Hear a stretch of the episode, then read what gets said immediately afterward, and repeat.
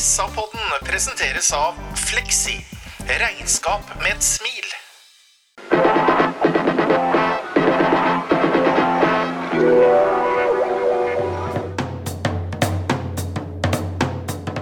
Sarpsborg Arbeiderblad gir deg en ny episode av SA-podden med Sven René Nygård, Øystein Weber, Petter Kalnes og Bjørn Inge Bingen Nilsen. Hallo og hjertelig velkommen til en ny fotballpodkast fra Sarpsborg Arbeiderblad. Vi har vært og sett uh, Sarpsborg 8 mot Rosenborg, og det har vært kaldt på Sarpsborg stadion i dag. Og da skjønner alle hvorfor ikke Bingen er blant oss i dag, for Bingen ligger på et sandstrand eller et eller annet sted nede på solkysten i Spania og ler sikkert av oss som uh, hadde på oss stillongs på Sarpsborg stadion. Sven, frøs du? Ja, jeg frøs eh, ganske greit etter hvert. Gikk bra, til å begynne med, men eh, når du hopper rett fra sommer på vinter, så er det vanskelig å forberede seg. Jeg ser at du har laksko på deg, Øystein. Var det noe lurt valg? Ja, Lakkskoa var nå én ting, med ankelsokker i tillegg, eh, Petter. Så det var litt eh, kjølig. Så det er bare å sende tanker til Bingen her i forhold til at eh, han har skjønt det. Han har det nok varmt og deilig der han er. Er du blitt forfengelig, eller? Nei. Nei, men det var, litt, det var litt kort med disse ankelsokkene. For å være helt ærlig på det, Petter, det er de eneste sokkene jeg har. Men da slutter du kanskje å barbere beina dine i hvert fall, da.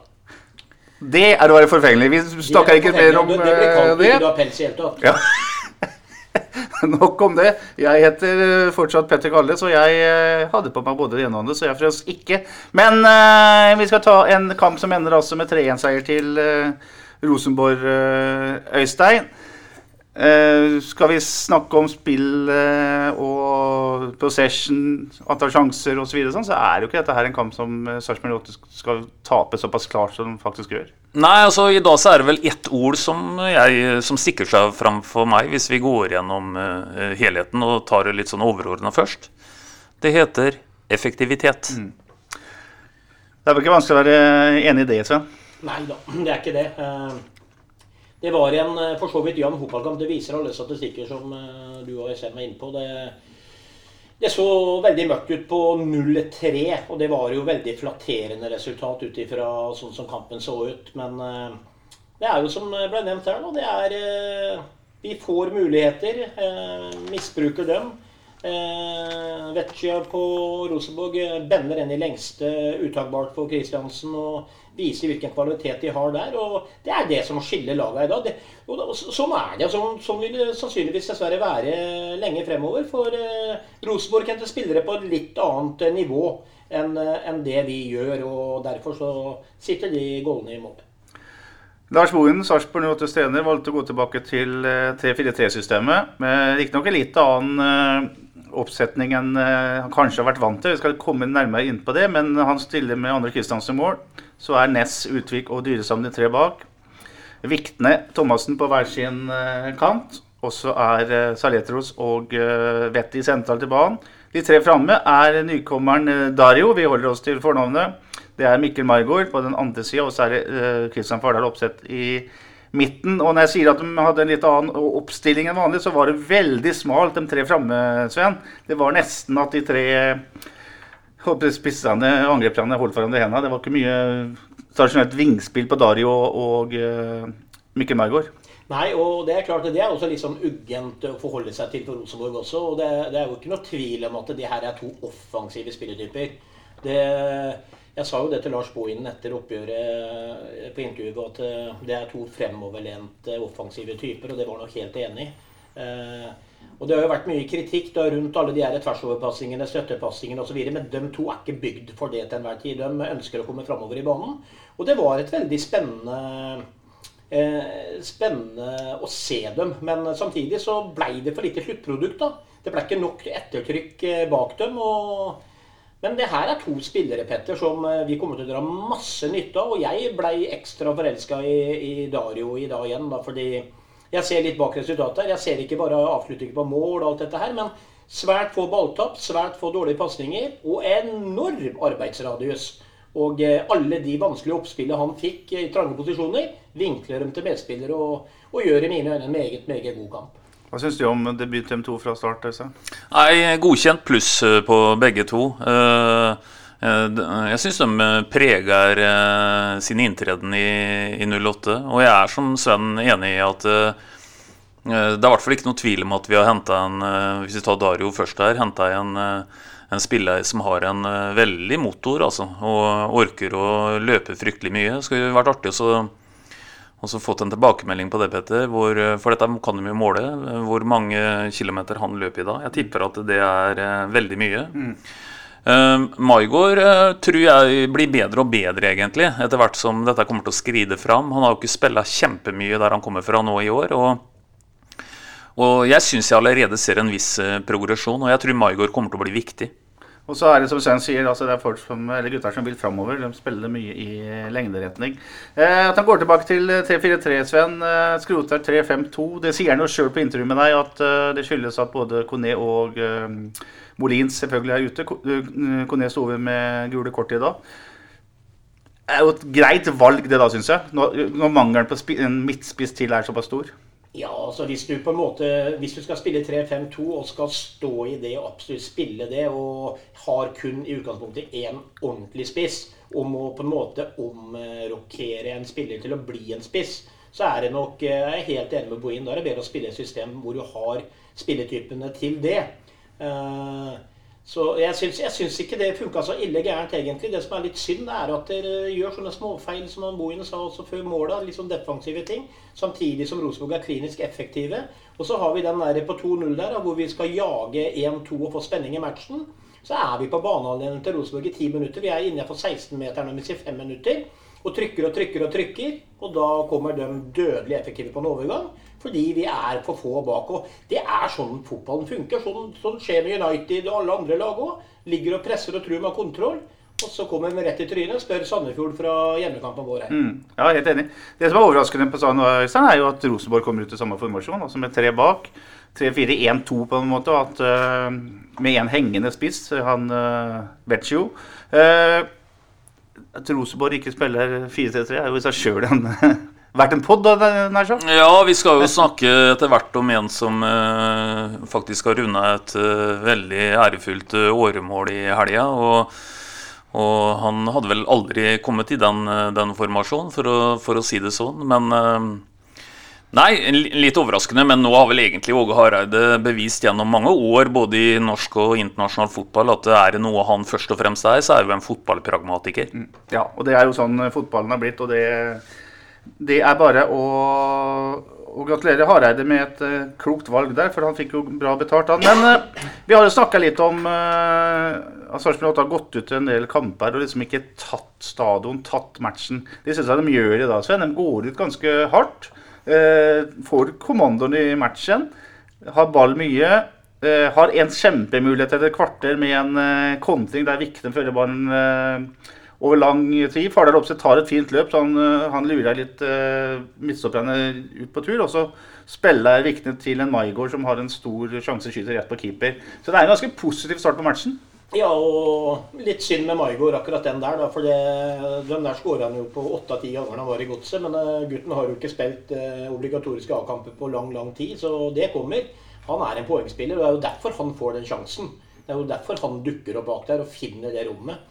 Men du har helt rett i det. Også første 10-15 minuttene av første omgang og annen omgang så er vi så tøffe i trynet, og vi kjører Rosenborg ordentlig bakpå. Og ikke bare at vi har mye ball, men så fort vi mister den, så er det gjenvinning, gjenvinning, gjenvinning. Og vi begynner en ny bølge. Så det ja, Analyse i dag vet du, Man sitter igjen med null poeng og minus to mål. Men liksom, vi må ta med oss noe fra det oppgjøret her likevel, tenker jeg. Det er masse positive ting. Og vi har fortsatt en Kone ute. Vi har en Molins ute. Så vi Jeg kan ikke si jeg sitter igjen med en sånn dritdårlig følelse etter den matchen og tenker at nå har vi skikkelig trøbbel i tårna. For det var mye positive ting. Mm. Får dårlig følelse selvfølgelig etter 21 minutter, eh, Øystein, når uh, Stefano Vecchio, svenske med italienske aner tydeligvis, gjør sitt femte mål for sesongen på det som så vidt jeg husker, det er Rosenborgs første skudd på mål.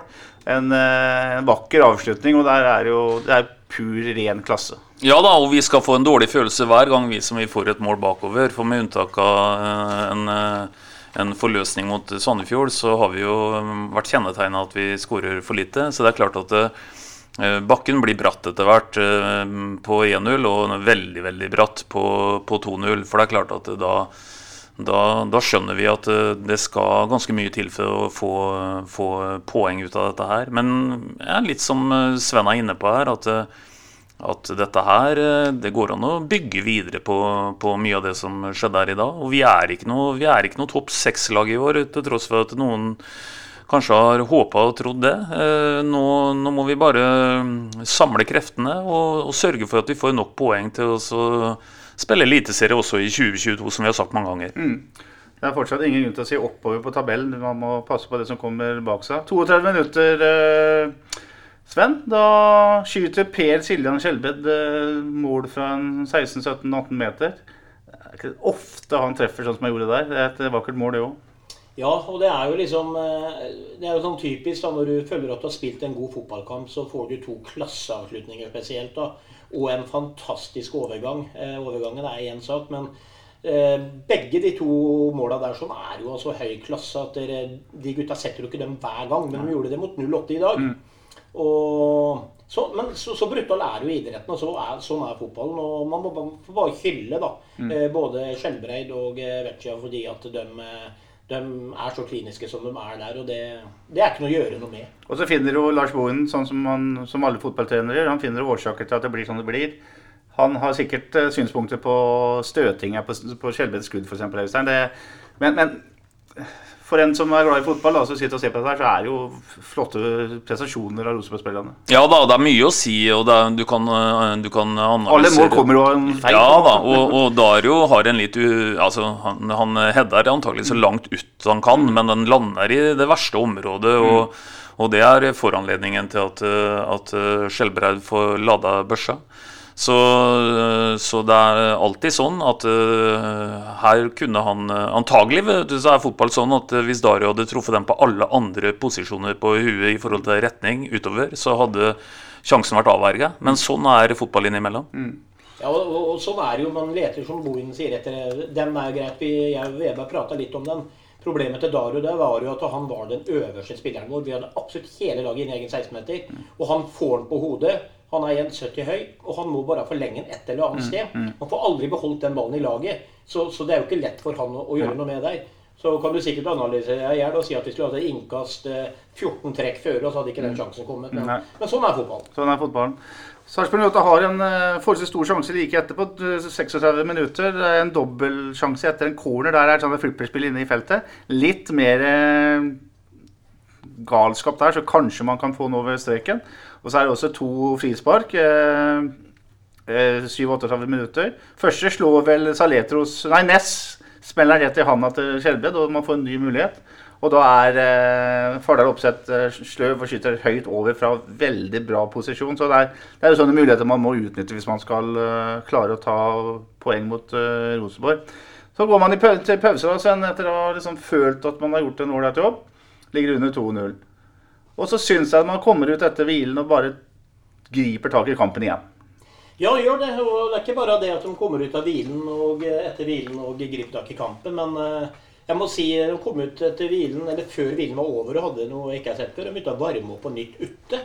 Eh, og jeg vet ikke om det var noe pedagogisk innhold i, men i hvert fall så gjorde de noe som vi ikke har sett tidligere. Men samtidig så kommer de ut, som du sier, og de tar skikkelig tak i den kampen der. Og eh, det er jo et resultat av 3-0, som jeg var inne på i stad. At vi er så gode i perioder at vi blir for kjepphøye, og vi tåler ikke den overgangen. Og der sa jeg på tribunen at her var det game set match. Og det blei det jo, men samtidig så tenker jeg også det at eh, som du sikkert kommer inn på senere, hadde vi liksom fått en to-tre der også, så hadde det blitt ordentlig fyr i teltet. Og... Nei da, vi, vi gråter oss ikke i søvn i kveld. I den første minuttene etter pause der, så er bl.a. Eh, Joakim Thomas veldig aktiv. Får en del innlegg. Eh, jeg syns både Salete og Sovetti er bra gjennom hele matchen og, og gjør mye bra sentraltilbane. Og spiller opp eh, kantene veldig ofte. Nærmest scoring i den gode perioden her er vel Bjørn Ikke Utvik. Selv så vi er glad i folk som kan heade, og det der eh, mister Utvik, det der, der var vi litt skuffa over, rett og slett. Ja, vi er jo egentlig det, for det, det er en uh, mulighet som, uh, som han, han uh, burde ha satt. Men det er jo ikke sant? I, I, dag så er det litt sånn at et eh, par ganger i dag så kan vi faktisk bruke begrepet litt sånn mot spillets gang. Mm, som, mm. Eh, som, eh, som et uttrykk når det, gjelder, eh, når det gjelder når vi får mål imot. Og den tredje er jo virkelig mot spillets gang. For, eh, for, for da har vi på en måte etablert eh, et ganske bra trøkk. Men til syvende og sist da, så er jo fotball et sluttprodukt her. og og der er jo Rosenborg en klasse bedre enn Sarpsborg i dag. Det er jo bare å innrømme det. Ja, Det er sånn lærebokkontring, Sven. Det, det, man eksploderer. Vettet ramler vel i en situasjon, men det er, det er tross alt 70 meter fra mål, så det skal liksom ikke være avgjørende. Men, men det er sikkert en dag å runde, altså. Ja, det går unna. og Nå skal ikke jeg være for positiv her, altså, for vi taper 3-1, men eh, når han er i Mo, eller Veberg snakker om mot spillets gang, så er det tross alt eh, skikkelig mot spillets gang eh, som de skårer 3-0 der, og det er mot et formsterkt Rosenborg. Så vi må ta med oss den der, at vi klarte det. Men du har helt rett. Det er Du får jo litt sånn aha-opplevelse til et par av de goalene vi hadde mot Sandefjord, da, hvor vi hylla overgangene våre. Og det her er Rosenborg, det, vet du. Det er eh, De har jo så mye kvalitet, de har så mye fysikk, de har så mye hurtighet. Og eh, ikke minst kliniske avsluttere, så ja, der ble vi tatt på senga, og eh, nok en gang vi ble tatt på senga fordi at vi var nesten for gode i de første minuttene her og klarte ikke å demme opp hjemover. Det er en ren parallell til den kontringen vi nevnte i stad, der Vikne kontrer og Maigård avslutter. Altså, her ser vi rett og slett en direkte sammenligning, og der ser vi forskjellen på sluttproduktet. Ja. Etter skåringa i det 55. minutt så er det en ganske god kampen litt i dvale i en uh, ca. 20 minutter. Eh, så kommer Ole Jørgen Halvorsen inn, og så gjør han et mål, Stein Weber, som eh, Ja, den kan fort bli årets mål på Sarpsborg stadion, for det der er vakkert, altså. Ja, det er vakkert, og dette fortjente Ole Jørgen. For det er klart at han føler sikkert at det fotballivet har vært bedre enn det er akkurat i dag. Uh, Foro har jo gradvis fått mindre spilletid. Og det verste er at han har en evne han til å komme litt i de posisjonene der. Og det, han har noen ganger vært veldig nær på å gjøre noe tilsvarende av det han gjorde i dag. Og det, det varma hjertet å se at han, eh, at han eh, traff med den. Uh, Dessverre så blir jo det på en måte en slags trøsteskåring, selv om det kunne faktisk vært en, en start på at vi hadde gjort ja, det som ville vært nesten helt umulig. da, Og så greie å få med seg når du ligger 0-3 mot Rosenborg. Det pleier jo ikke å være vanlig, men vi har jo en enorm mulighet for Fardal etter 81 minutter. Og da hadde det blitt fyr i teltet, som Svein var inne på i stad. blitt det største comebacket siden eh, det som skjedde for et par tusen år siden, si. Ja, Lasarus sin oppstandelse, ja. ja ikke Ikke sant? sant? Men eh, Sven, du dveler litt mer med målet til Ole Jørgen. Da. Det er jo eh, alle unge fotballspillere. Hør hva Sven sier nå, hvordan han tok den ballen. Ser på ballen, smeller til med strak rist i akkurat rette tidspunkt. Han går verken opp eller ned. Ja, nei, det er, det er eh, klasseavslutning, og jeg må si det, altså. At jeg er, eh, jeg er så glad i Ole Jørgen. Som mennesketype og fotballspiller og lagspiller. Eh, fikk jo æren av intervjuen eh, i dag igjen. Og han var jo ærlig på at han ønska mer, og kanskje innerst inne fortjener mer. Eh, Men han, han kommer inn i dag igjen og har full speed. Skårer det målet og sier til meg i mikrofonen at eh, da må jeg bare jobbe enda, enda hardere. ikke sant? Det er jo akkurat det en trener ønsker å høre. Og han var ordentlig skuffa i dag for at han ikke fikk spille fra starten mot Haugesund. Den, eh, den så ikke Ole Jørgen komme, tror jeg. Og jeg spurte om han tok en prat på kammerset, men han påstår at Lars Bohin er veldig flink til å komme med begrunnelser. da, og Så håper vi at det stemmer. for eh, ikke kødde med Ole Jørgen eh, for mye. For det er som sagt eh, du, du vet bestandig hva du får. Og jeg vet det er masse kritikk rundt Ole Jørgen også. Er, men, men du får en mann som kommer inn, løper meterne sine, gjør så godt han kan til enhver tid. Og i dag kom han inn og påvirka resultatet med det ene skåringa. Og kunne vært den som starta opphentinga. Så all ære til Ole Jørgen. Og så gir han jo litt sånn Han gir ikke seg, men han er ganske klar i uttalelsen til oss, selv om han eh, pakker det litt inn. da. Men jeg kan godt tenke meg at eh, Ole Jørgen har ikke noe problem med å sette skapet på plass i en gruppe eller overfor en trener eller noe hvis det er ting han ikke er fornøyd med. Jeg mener at det her er en premissleverandør for at, er, eh, at ting blir gjort ordentlig på stadion, tenker jeg. Ja da, og så skal det være Folk skal være skuffa. Altså, det, det, det må være sånn i kaller det toppidrettsgruppe at de som ikke får, får være med og får starte, de, de skal være skuffa. Det, det, skulle bare mangle. Så, så, det har han all uh, rett til. Men jeg tror også Ole Jørgen er en type som når han først liksom får den beskjeden og får lagt den skuffelsen av seg, så er nok han også en veldig solid bidragsyter i, i en tropp. da. Så, mm. så, Ole Jørgen gjør jobben, han. Absolutt. Eh, Skåringa til Ole Jørgen eh, blåser liv i kampen også i Sarpsborg 8s eh, langspurt. For den eh, det er ganske bra igjen de siste minuttene der. Og så kommer denne muligheten i det 81. minutt, uh, Sven. Uh, Eirik Viknes slår ett av mange gode innlegg. Og Kristian Fardal Opseth er rett og slett helt umarkert. Får en ball, tar den på halsbretten. De putter seg i benet, tror jeg. Nei, jeg bruker innsida av benet. Skal bare sette den inn i hjørnet og setter den da på utsida. Uh, det, er, det, er, det er ikke bra. Du blir skuffa når du ser en, en klinisk avslutter som egentlig Kristian er. og så går det gærent igjen. da. Han hadde jo et par eh, sjanser for et par matcher siden òg. Ja, og der ser du igjen eh, hva selvtillit har å si i fotball. Han kommer også inn, vi hyller han her, jeg gjorde det sjøl. Eh, han kommer inn og skårer to mål på tre minutter omtrent i to tidlige innhopp, da, eller sene innhopp i to kamper. Eh, tar vare på sjansene. og Sett at det har vært nesten et par ganger. Men nå er han i ei blindgate. Han, jeg kan godt tenke meg, bare som gammel fotballspiller sjøl liksom, Idet det legget kommer, så tenker han forbi mens ballen er på vei. Og så blir det sånn at han sklir av foten. Eh, litt mer avslappa. Er sånn som når selvtilliten er på topp, så bare breier seg den kontant i nettet. Mm. ikke sant? Mm. Så han er litt der nå. Eh, og det er kjempetrist. Og det er trist for både laget og det er trist for gutten. Eh, han scora på dem der tidligere, vet du. Det er, det er, ikke noe tvil om det. Men så er jo fotballen heldigvis sånn. da. Vi så jo Kone her mot Sandefjord. Så setter han den neste gang nå. Så kan han sette igjen ti minutter etterpå, så han skårer to mål, og så er han i gang igjen. Mm. Så, så, sånn er jo livet for en spiss. Spør Martin Wiig. Husker du hvor mange kamper jeg kommenterte han på? Hvor han sto på huet og ræva og ikke fikk den inn i mål. Så plutselig så skåra han på alt igjen. Mm, mm. Så han, han tenkte forbi, og det innrømte han sjøl. Hva syns du om Fardal Opseth uh, totalt sett i dag, Øystein, hvis du ser bort fra den uh, gedigne sjansen? Nei, der er jeg mer uh, i tvil hva jeg skal si. Jeg forventer mer av Fardal Opseth. Jeg syns han, jeg synes han Ja, han taper for mange dueller. Han mister ballen for ofte. Han ja, jeg rett og slett forventer mer av en Fardal Opseth. Og, og den missen han har, den den, eh, den, eh, Vi sa det jo sist, men jeg gjentar igjen, ja, selv om han gjorde det i dag igjen, at eh, denne det er litt på uturskontoen også, for den er nesten ferdigskåra, den han, han bommer på der. Og det var veldig synd at han ikke satt den. Men, men han, har, han, har, mye å gå på og mye å bevise, syns jeg. Mm.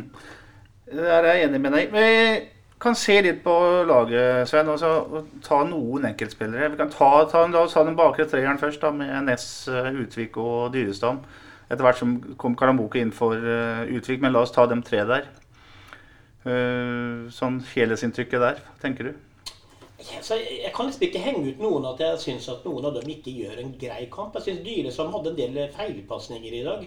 Uh, men jeg syns jo at de tre står opp greit. Og hvis man går inn i statistikken og ser hvor mange målsjanser man skårer, og trekker ifra de her klasseavslutningene, så er det jo ikke så ekstremt mye Rosenborg har å komme med. Så, så, vi demmer jo ganske bra bakover, syns jeg. da. I etablert eh, forsvar så er det jo bra, Øystein, men eh, den blir tatt litt på kontra. Eh, Nicolay Næss eh, må være landets mest spillende midtstopper. Det er utrolig mye ball han har. Uh, Syns du det blir uh, nok ut av alt ballinnehavet hans? Altså pasningsspillet hans? Nei, det syns jeg ikke. jeg syns Jeg syns på en måte at problemet er at Eh, det, vi har litt for lite tempo eh, i det som blir, eh, blir gjort der. Og jeg syns at det er, det er, mer å gå på. Og så er jeg for så vidt enig i at jeg er enig i det Sven sier i forhold til at det er ikke veldig mye mer Rosenborg kommer med enn det de skårer på i dag. De har en veldig stor en til helt på tampen av, mm. av kampen, men det er ikke noen sånn sjansebonanza. Men uh, det er nok også en kamp som vi har sett den treeren bak uh, bedre, tenker jeg, enn i, i dag. Vi skal ikke, skal ikke, gjøre det bedre enn det. Eh, Sven, du snakker om at det er dårlig tempo. At Nicolai Næss er en av som bruker mye tid med ball. Og ofte ender med en støttepasning, tversoverpasning. Men det handler som du har snakka mye, det handler ikke bare om ballfører. Det handler om hva som skjer foran ballen nå. hvilke bevegelser det er der. Hvilke muligheter han Jeg syns i dag jeg sa til kollegaen min Pål Karlsson Hadde, hadde Kone vært oppe her nå, så hadde han terrorisert han Hovland. For de står høyt med treeren sin. Det er svære bakrom. Men det blir aldri brukt. Jeg ser Maigård truer noen ganger uten å få ball. Oppsett har også noen V-løp uten å få ball. Eh, det, det våpenet der ble ikke brukt i hele tatt da, fra Sarpsborg 8 side. Vi har, ikke, vi, vi har jo eventuelt kvaliteten med Maigård og eh, Dario på å komme på løpa inn og bak. Men eh, vi har jo ikke en oppsett som kan straffe motstanderne på farta si. Så jeg er helt enig. Jeg hører publikum noen ganger liksom, når ballen blir slått litt tilbake, og da er det stønning og offing og sånn. Men publikum, eh, hvis dere hører på, så må dere tenke hvis du sjøl er ballfører, og du har én å spille til, og det er f.eks. oppsett som har to kall i ryggen, og ikke det er noen andre alternativer, så beholder du ballen i laget til en bedre mulighet kommer. Eh, og, og det er forståelig at fotballspillere gjør. så du har helt rett i det. Bevegelse foran ball er jo avhengig av hvis du skal spille ball i lengderetning. Du spiller jo ikke en ball i lengderetning uten å ha medspillere i lengderetning. Sånn er det jo bare. Nei, men Du kan jo ikke bestemme deg at, eh, at Fardal Opseth versus Hovland er en ren løpeduell. Du kan jo ikke, du kan ikke bestemme deg for forhånd at den, den duellen taper Fardal Opseth, så jeg gidder ikke å slå på den. Jeg syns det er rart. Jeg, for dem, altså, en, altså, en gang innimellom så må du ta noen sånne sjanser, syns Ja, jeg. eh, Hvis du spiller, tenker opp, eh, oppspill, eller om du tenker bakgrunn, vet du hva du tenker. Jo, jeg tenker bakgrunnspasningen. Den enkle bakgrunnspasningen. Ja, ja, ja, få flytta opp laget, og det skal vi være enig i. Og da kan jeg bare komme kjapt innpå på oppsett litt hva Øystein analyserte i stad. Det som jeg syns er litt trist, og som jeg mener eh, bør bli bedre, det er Oppsett er en stor mann. Og det er helt greit å tape dueller på Tovland, men la han slite litt mer i de duellene.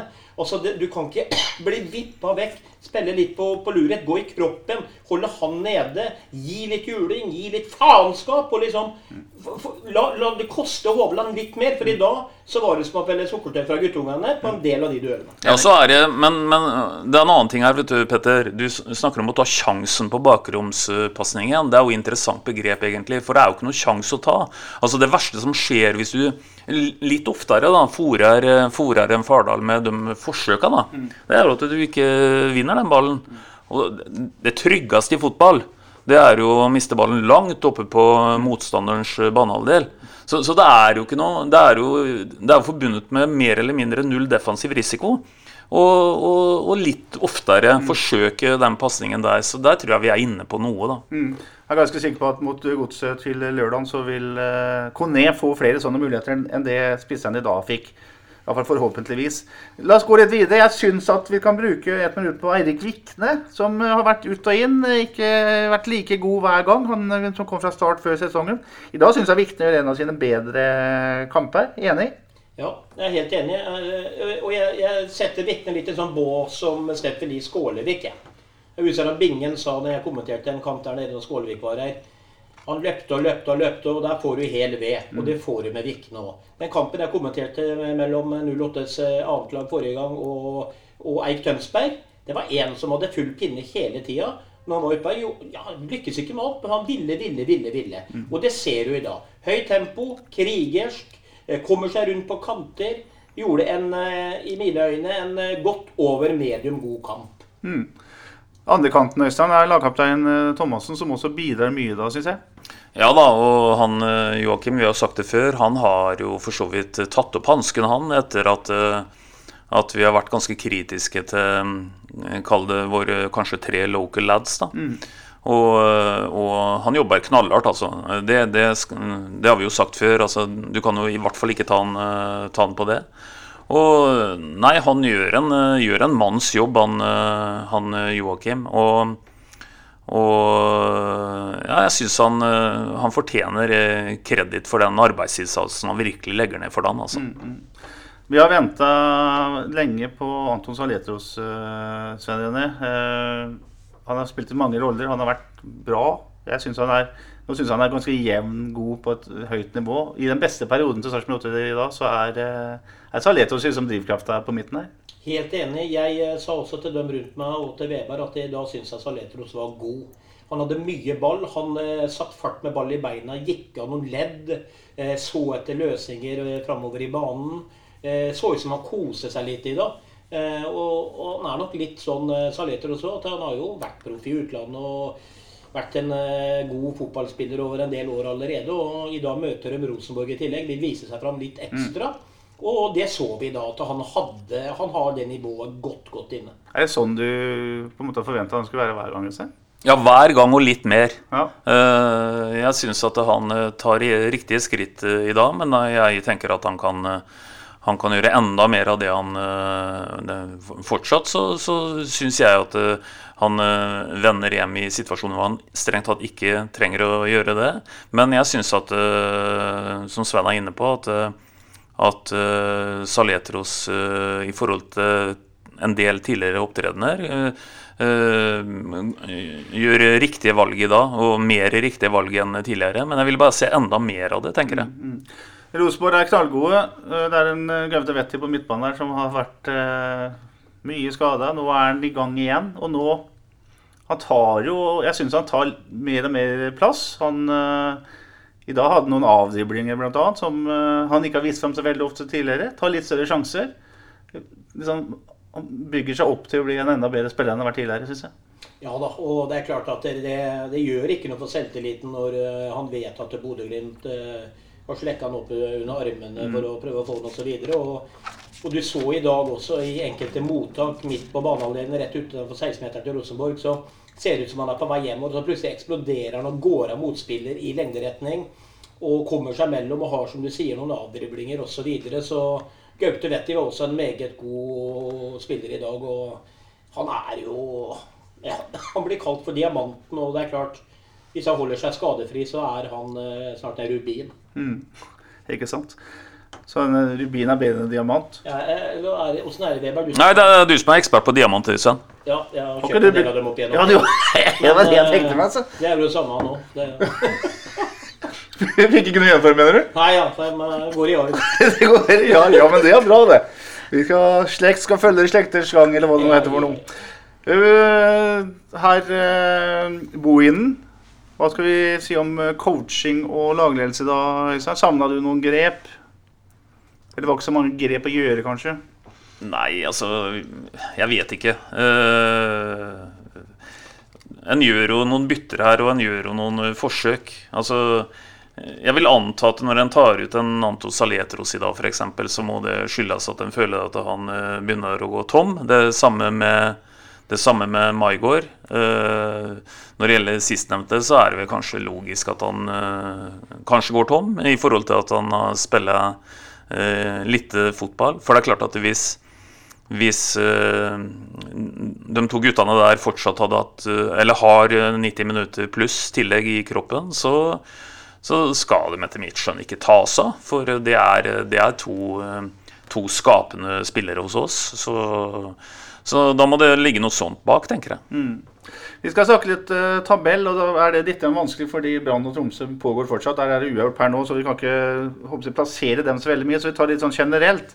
Vi kan faktisk starte litt med, med toppsjiktet der. Eh, der er det jo klart at eh, Glimt har 38, Molde har 37. KBK 35, Rosenborg 34 og Lillestrøm 34. Og Vi kan starte med det vi eh, prata om før sesongen, nemlig det hvem, er, hvem blir årets overraskelse? Og vi håpa jo det skulle bli 08. Det har det definitivt ikke vært. I hvert fall ikke positivt, eh, med positivt fortegn. Eh, KBK imponerer. Lillesøm og Geir Bakke imponerer. Men la oss begynne med å snakke litt om Bodø-Glimt. Her snakker vi om å, å gjenskape en uh, suksess fra fjor på meget bra måte. Ja, det er bare å så Hva sa hun eh, langrennsløperen vår? Bøye seg i hatten. Uh, Det er helt, helt, helt utrolig hva de greier å få til i Bodø. Eh, Det er jo ingen tvil om at eh, når vi snakka om hvem går litt under radaren i år, så er det klart at eh, både Kristiansund og Lillestrøm er jo to to eh, lag som ligger langt framme i panna når en tenker på det. Men, men husk på én ting, folkens. Bodø-Glimt kvitter seg med tre spillere som til sammen nesten står for 100 målpoeng i sesongen 2020. Og tar rett og slett bare på nytt og melder seg på i eh, seriegullkampen. Det er intet mindre enn helt utrolig imponerende. Og så må jeg si at jeg er veldig imponert over både Geir Bakkes Lillesøm og Kristian Sund, Sven. Eh, og først og fremst er jeg imponert over det trøkket som er i laget. I går skåra, eller på lørdag, da, så skåra KBK i 89. minutt igjen, liksom. Og og Lillestrøm, der er det virkelig trøkk, altså. Eh, La oss begynne med Lillestrøm. da. Det, kjenner du igjen Geir Bakke fra tidlig tida i 08 her nå? Ja, han, uh, han, er jo litt på den europabølga omtrent, han over laget sitt. Mm. det samme er jo med Kristiansund. altså De gjenskaper gode opplevelser hele tida. Og det er jo ikke noe tvil om Jeg satt jo og så Kristiansund skåra det siste målet der. Så jeg bare satt og venta på det. Du, bare, du så dem zooma inn av Mikkelsen på sida og, og står og pisker fram, og de presser. Publikum forventer at det kommer et mål på slutten, som det stadig vekk gjør. Og sånne ting eh, må man eh, Gjenskaping av sånne ting, det, det, setter seg i et lag. Og Lillestrøm er jo på den bølga nå. Altså, de, de har tro på at de kan gå på vannet. Og når vi snakker om de to lagene der, så må jeg bare ta fram én ting til. Det var et fotballag som nesten var tippa for null poeng i år, og det var Sandefjord. Mm. Dæsjik, de, de, har også imponert meg ut ifra sine forutsetninger. Ja, absolutt. Eh, hva er det for noe med, med Kristiansund og Lillestrøm i år som gjør at de uh, har hengt på de eh, store lagene på toppen, i toppen her? Nei, altså det er jo alltid litt vanskelig å si det. Men, men det er nok litt det at du, du Medgang, kall det avler medgang. Altså du, det er rart, den psykologien der. Eh, Kristiansund har jo også en veldig interessant målforskjell. For til tross for at de eh, har vunnet elleve kamper og ligger akkurat per nå på en bronseplass, så har de fem plussmål. Det er jo mm. nesten så vidt de er på plussida på Det betyr jo at de de vinner jo masse knepne kamper. Får det akkurat å bikke i sin favør. Og som du sjøl sier, i går så, så snur de en kamp som ser en mer eller mindre tapt ut, og, og, og får med seg tre poeng eh, også der. Så nei, det er eh, ja, overført til en uh, Fardal Opseth i dag som triller ballen på utsida til 81 mm. minutter. da. Uh, I, i Kristiansund-modus så hadde den selvsagt trilla på innsida. Så det er, det er, rart, det der. De er på en medgang, og, og du ser jo også det når det gjelder, når det gjelder Lillestrøm. Vi skal minne om det, vet du. at Uh, Geir Bakke jeg skal ikke påstå at han var helt i nærheten av å bli arbeidsledig i fjor. Men starten til Lillestrøm i fjor i, i Obos-ligaen var jo til Lillestrøm å være som et nedrykka eliteserielag helt katastrofal. Mm. Og, og, og, en annen som da leverte helt uh, under båten, var jo en, uh, var jo en Lene Olsen. Og nå ser vi eh, hva han gjør nå. Nå, nå skårer han jo på, på, alt. Om det er et skudd fra 18 meter, eller om det er en, eh, det er en heading som, eh, som, går i bue over keeperen og i mål. Altså, nå lykkes han jo med alt. Så det er helt fascinerende å se altså, hvordan hvordan du i medgang eh, får med deg bikker jevne kamper i din favør, og hvor du i motgang eh, gjør det motsatte. altså. Og Så er det jo et ekstremt kollektiv i de to lagene der nå. ikke sant? Også spesielt Kristiansund. da, det er Altså, Når Kristiansund angriper liksom, på hjemmebane spesielt, så kommer de i bøtter og spann. Mm. Og alle har like mye trua på at de får ballen. ikke sant? De, og, og, og, det er det, Ja, de går på vannet. Altså, de, de, de, de, tror ikke noe annet enn at det målet kommer. Og, og sånn har de jo spilt over flere år nå. Og det å beholde et kollektiv, beholde mye av de samme spillerne, det er selvfølgelig utrolig viktig. Og det har kanskje vært mye av utfordringen til 08. da. Også Vi skal begynne med en ny trener med et nytt system. Eh, selger diamantene våre og henter inn nye som må integreres osv. Du får ikke noe kollektiv av det. vet du. Nei. Men For å dra det litt tilbake til 08-resonnementet, Petter, så tenker jeg at det vi må gjøre her i byen, det er at vi må vi må se på Lillestrøm, vi må se på Kristiansund, og vi må ikke minst se på Bodø-Glimt. Og ta det som en kjempeinspirasjon. For dette her er lag som eh, er omtrent på den hylla vi er på sjøl, sånn i forhold til ressurser osv. Nå har vi kanskje Bodø-Glimt kommet i en posisjon eh, gjennom de siste to-tre åra som har eh, gjort dem enda bedre enn det. Men, men vi må ta det som en kjempeinspirasjon at uh, disse lagene her leverer uh, sånn som de gjør. Så vi skal egentlig bare applaudere at det, det, går an for lag som Kristiansund, Lillestrøm og ikke minst Bodø-Glimt å dominere norsk fotball på den måten de gjør. Og sånn ble vi applaudert i 2018. Ja, ja, jeg skal akkurat si det. I 2018 var jeg i Kristiansund og lagde en reportasje der eh, jeg var ute etter å finne fotballsjela i et uh, fotballag i forbindelse med Europaliga-magasinene våre. Da besøkte jeg Kristian Mikkelsen, og han sa vårt forbilde i norsk fotball det er Sarpsborg 08. Eh, ressursene er omtrent på samme nivå som i Kristiansund. Eh, forutsetningene, infrastrukturen og alt. Vi vil bli like gode som Sarpsborg 8. Og det er, det er altså tre-fire år siden. Og, da må vi Da må vi også kanskje stikke fingrene i jorda og erkjenne hva et eller annet gikk jo gærent på veien her. Ja da, og vi, vi må være såpass ydmyke at vi må erkjenne at vi har fryktelig mye å lære av en del andre klubber her. Det er ikke sånn at det er luktus Sarpsborg for, for, for alle eliteserieklubber. Hvis det var det kanskje i 17-18, så er det ikke sånn. Nå er det luktus andre steder. Og så er det en ting til. Når jeg sier at Eh, Bodø-Glimt kvitta seg med nesten 100 målpoeng i, i forhold til tre spillere. Så kvitta altså Kristiansund seg med en som skåra 25 mål. Mm. Og likevel mm. så, så, greier de å reetablere dette laget og, og, og levere på det nivået de gjør. Men istedenfor også liksom, eh, hva skal vi kalle det, uh, tenke at det er tråkig at det ikke er oss, ta det som en kjempeinspirasjon. Mm. Og ikke sikt noe høyere sikt og sammenligne oss med Kristiansund. Eh, du nevnte Sandefjord. Da har vi jo tidligere snakka om Alexander Tveter, en Hermet Singh, en eh, Bise Magomo. I Kristiansund så er det en som heter Liridon eh, Kaludra, som eh, Geir Bakke henta hit. Men eh, Bakke ble kjent med i Kristiansund, henta han hit. Han har familie i Uddevalla og tenkte at det var flott å komme hit. Fikk nummer ti. Klarte aldri å slå seg ordentlig inn på laget. Reiser tilbake til Kristiansund igjen og blir en nøkkelspiller, en, en, en, en bærebjelke i det laget, Sven. Offensivt. Altså, fotballen er rar på mange måter. Altså, det er noen sånne uh, ting som spiller inn på hvor man passer inn, og hvor man ikke passer inn. Ja, og, og det handler om trygghet. Det handler om selvtillit. Altså først, først, når du kommer til en ny klubb, så må klubben passe på å skape trygghet for den spilleren. Og vise at de har trua på den, og at resultatet også kommer, selvfølgelig. Så drar med seg det videre. Eh, I Kristiansund så visste han hva han kom tilbake til. Eh, har vært i et kollektiv tidligere. Eh, vet hvilken plass han har i det laget. Og kjenner igjen alle reelle mønstre, både til medspillere og alt. Og vet akkurat hva han skal se etter når han får ballen ut på venstrekanten. ikke sant? Det er det jeg skal inn på. Det, er den relasjonen der som for Sarpsborg 08 de siste åra har vært totalt umulig å få til. For det har kommet nye rollespillere hele veien. Vi har kvitta oss med det gamle. Og det er klart at det, det har jeg sagt i tidligere pod, hvis vi skal bli et topplag, eh, eller som Thomas Berntsen liker å si hvert år, topp seks, så må vi ha noe av de samme spillerne, eller mange av de samme spillerne, og de må samtidig ha kvalitet fra før av. Og de må kjøres i ett år og to år og tre år. Så vil vi etter hvert også kunne klare å skape noe her i byen, tror jeg. Men uh, der er Kristiansund eh, best i klassen opp til, mm. sammen med Bodø-Glimt selvfølgelig. Han har et mønster å spille på. Han har beholdt mye av de sentrale spillerne, Knutsen også, selv om han har mista spillerne der oppe. Men de har i hvert fall relasjoner helt fram til 16-meteren til motstanderen. De, de, de, kan angripe på samme måte som de gjorde før.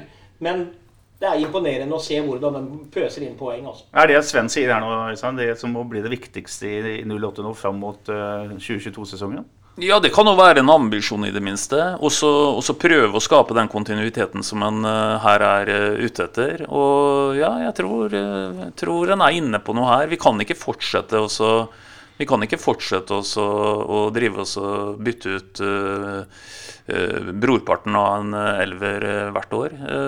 Det, det, tror jeg er noe av grunnen til at vi ikke lykkes like godt som de nevnte konkurrentene vi nevner her nå. Mm.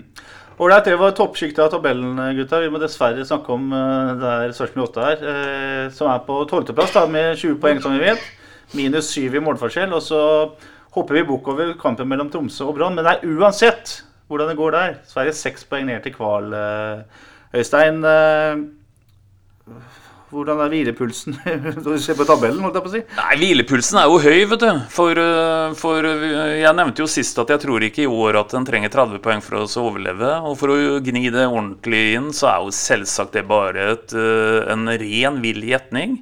Plutselig så kan jo et av disse lagene i bånn få opp farta. Nå er det ingenting som egentlig i utgangspunktet tilsier det. Men, men, eh, men, selv om de ikke skal få opp eh, farta noe særlig, så trenger vi flere poeng. Så klart hvilepulsen er ikke noe spesielt uh, lav. For uh, vi kan ikke få understreka nok altså at, uh, at, vi må unngå å rykke ned. Mm. Og Statistisk sett så er Sarpsborg 8 like gode eller dårlige nå som det har vært de siste åra. Underkant av ett poeng i snitt. Et, overkant av ett mål i snitt. Ja, nå er vi jo akkurat i overkant av ett poeng i snitt, da, i og med at vi har 19 kamper. Og, så Sånn sett så kan du si vi er på merket. Vi er akkurat på merket i forhold til der vi skal være hvis vi skal prøve oss å, å berge. Og det er ingen enkle kamper som, eh, som kommer framover. Sånn er eh, Eliteserien. Her, er her blir det en knallhard kamp for hver, eh, hvert eneste poeng. Så, så hvilepulsen er ikke noe spesielt eh, lav, eh, Petter, for å konkludere med det. Sven, så gammel fotballspiller, eh, husker du situasjonen? Det er ti kamper eller elleve matcher igjen. Det er eh, kort vei ned. eh, Litt nye folk inn. Ting går ikke på skinner.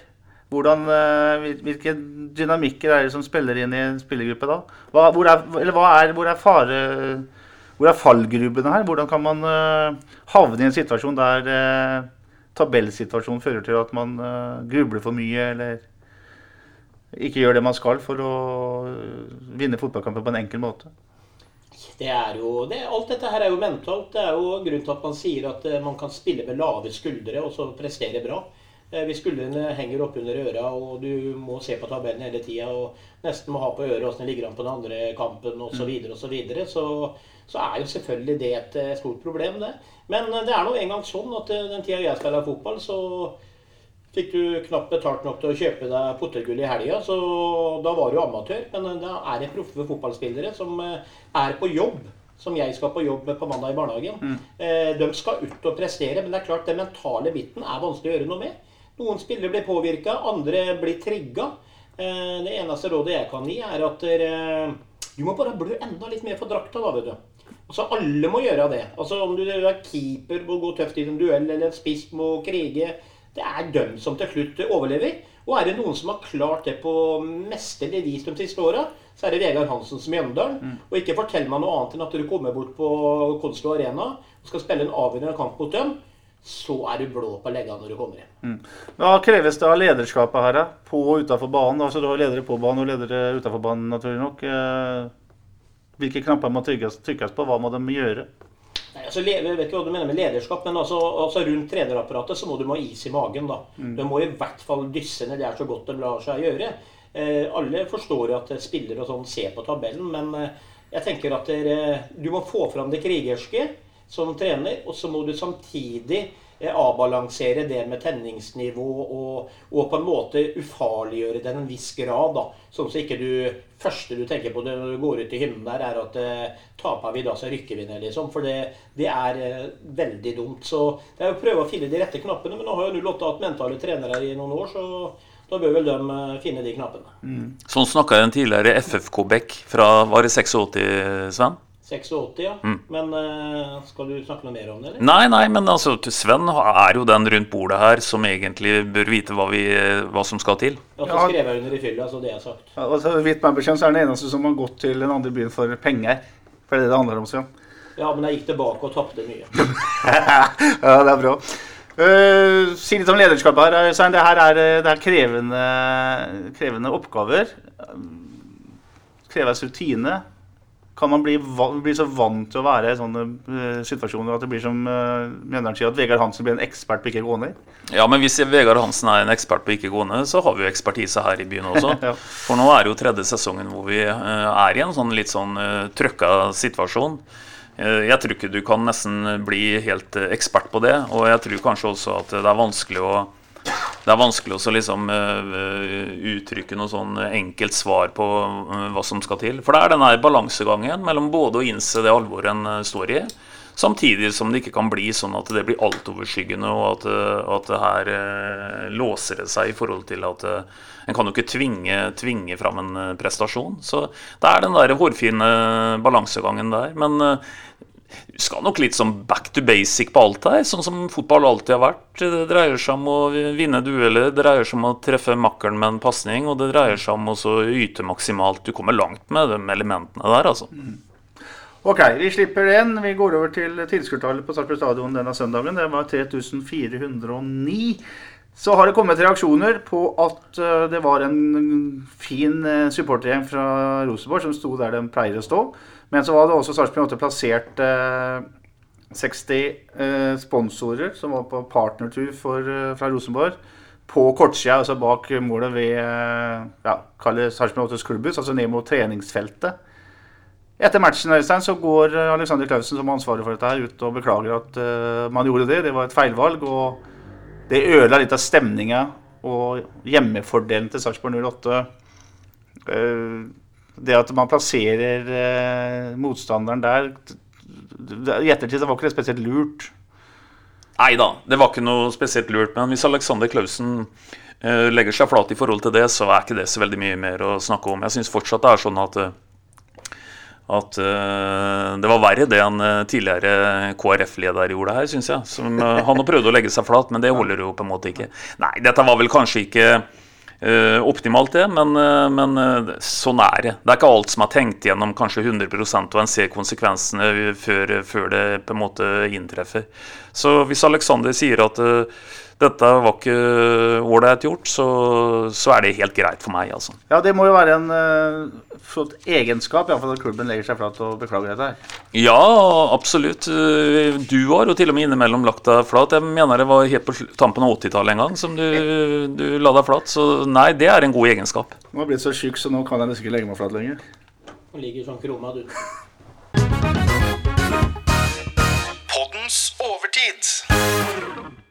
Vi skal eh, starte overtida med å si gratulerer med dagen til en uh, motstander. For mannen var selvfølgelig ikke på banen og ikke på trenerbenken heller. Og han var ikke engang i Sarpsborg. Men når Rosenborg kommer på besøk til noen av klubbene i norsk fotball, så er på en måte Nils Arne Eggen med allikevel.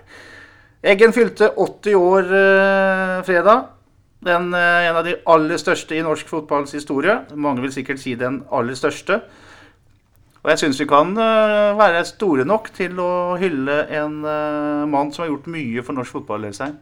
Ja, altså hvis det å være fotballtrener dreier seg om å skape resultater, og det gjør det jo, så ville det jo vært helt meningsløst å ikke hylle mester Eggen. For det er klart at det han gjorde eh, på 90-tallet med, med Rosenborg spesielt, det, det, savner jo sidestykket i norsk fotball. Det, det, er jo helt, helt, helt fantastisk. Hva tenker du, Sven, når jeg snakker om Nils Arne Eggen? Eh, la oss ta fotballstilen først, da. Det, det, det fotballfaglige. Nei, Helt fantastisk. 4-3-3-systemet til Eggen, Godfoten, alt dette her. Eh, Bent Skammelsrud som fikk ballen sentralt på midtbanen, kunne bare snu seg, lukke øya Eh, fant Brattbakk og Strand og gutta indreløperne. Altså, det, det, var så på skinner at det ja, Det kan minnes litt om i perioder sånn som Bodø-Glimt var på det beste i fjor. ikke sant? Eh, fotballen var nok en del enklere før i tida, selv om eh, gamle garden ikke ønsker å, å høre det. Men litt mer rom osv. var det. Men det var nå en gang sånn da, at eh, store klubber i Europa gikk jo på en smell mot Rosenborg gang på gang. Og de var så innarbeida, og så var de offensive i huet. Og er det noen som er offensive, fortsatt sikkert i huet, så er det Nils Arne Eggen. Han, eh, han kunne også gå på vannet til enhver tid, og jeg fikk også oppleve han, og kan komme tilbake til etterpå kanskje, eh, på Melløs når jeg var dum nok til å spille i FFK. Mm. Og han, eh, Sven er inne på det veldig, veldig sentralt når det gjelder Eggen, Øystein, nemlig den relasjonelle samarbeidet spillere imellom, lagdeler imellom, enheten i et fotballag til sammen så blir dette veldig bra. Ja da. Og, og, det kollektivet, for det er jo kollektivet som er på en måte det, eh, hele Eggens uh, bumerke her. Det, det, var, det, var, jo helt, uh, helt utrolig. Og, og, hvis det er noen litt sånn yngre lyttere Petter, som lurer på hva vi egentlig nå sitter og snakker om, og det kan jo godt hende, for vi snakka 25 år tilbake i tid. Mm så, så snakka vi også om et lag som i 1995 eh, slår Blackburn hjemme i, i Champions League.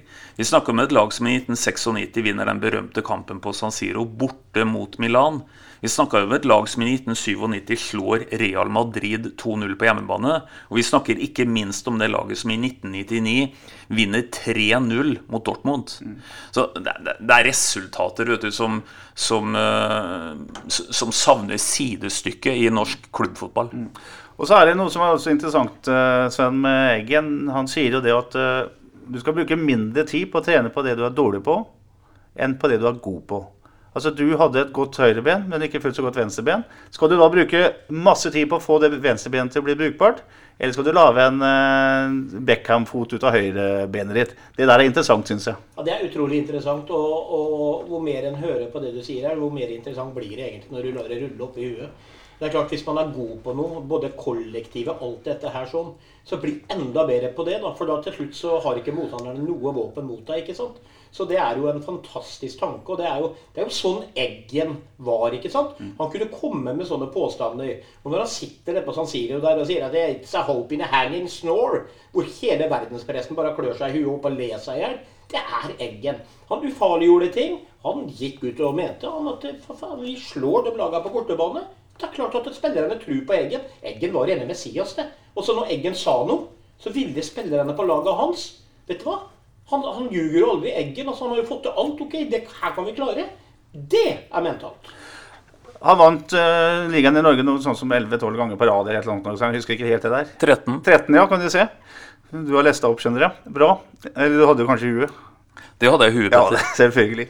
Det jeg skulle si, var at han fikk tid og lov til å feile mye i Europa før han lykkes. Altså, Rosenborg var naive de første åra. Den spilte på samme måte som de gjorde på fem stadion eh, når de dro til og møtte CSKA Moskva i Moskva. Men etter hvert så, så tilpassa Eggen Rosenborg-skien også til Europa. Det at han fikk den tida, var jo, er også et interessant fenomen her. Ja, Det er jo interessant i den forstand at hvis han ikke hadde fått den tida, så er det jo ingen av de resultatene jeg nå leste opp, de hadde, hadde jo ikke blitt en realitet. For, for jeg snakker om uh, Champions League-resultater som kommer i Eggens syvende trenerår og fremover. Og, og, og, det var jo, og, og, livet er jo ofte litt sånn uh, fylt av tilfeldigheter. Eggen er jo en hårsbredd fra oss og slutta han i Rosenborg tidlig på 90-tallet. Og stiller jo egentlig det som i politikken kalles kabinettspørsmål. Og det er ordentlig temperatur oppå brakka der oppe. Men de velger å stå ved eggen og kjøre på videre. Dette er jo en trenerhistorie som en også kjenner igjen fra, fra andre steder. Det, at det er noen ganger hårfine marginer. Men her er det ingen tvil om at uh, den dagen en skal skrive en bok da, som skal hete uh, 'Hvor viktig er det med kontinuitet i fotball', så kan du ta utgangspunkt i egen historie, uh, som da fikk utvikle seg og utvikle seg. og utvikle seg. Og det er helt riktig som du sier. Til å begynne med så fremsto de jo nesten på grensa til naivt på bortebane i Europa, og fikk jo sekken full. Men etter hvert så fikk de justert inn det, og resten er historie, altså. Så treneren Nils Arne Eggen er én uh, ting. Pedagogen, mennesket, er en annen en. Han var en mann som fikk en tilbud om en ministerpost. ikke sant? Uh, han har vært framme i hatt tøffe tak i sin egen familie, som vi kjenner til. Vært, fått harde tak der. Mange slag. snakker om sønnen sin i en begravelse på en meget verdig måte. Omtales som den flinkeste til å holde taler i begravelser, som jo også er en veldig vanskelig øvelse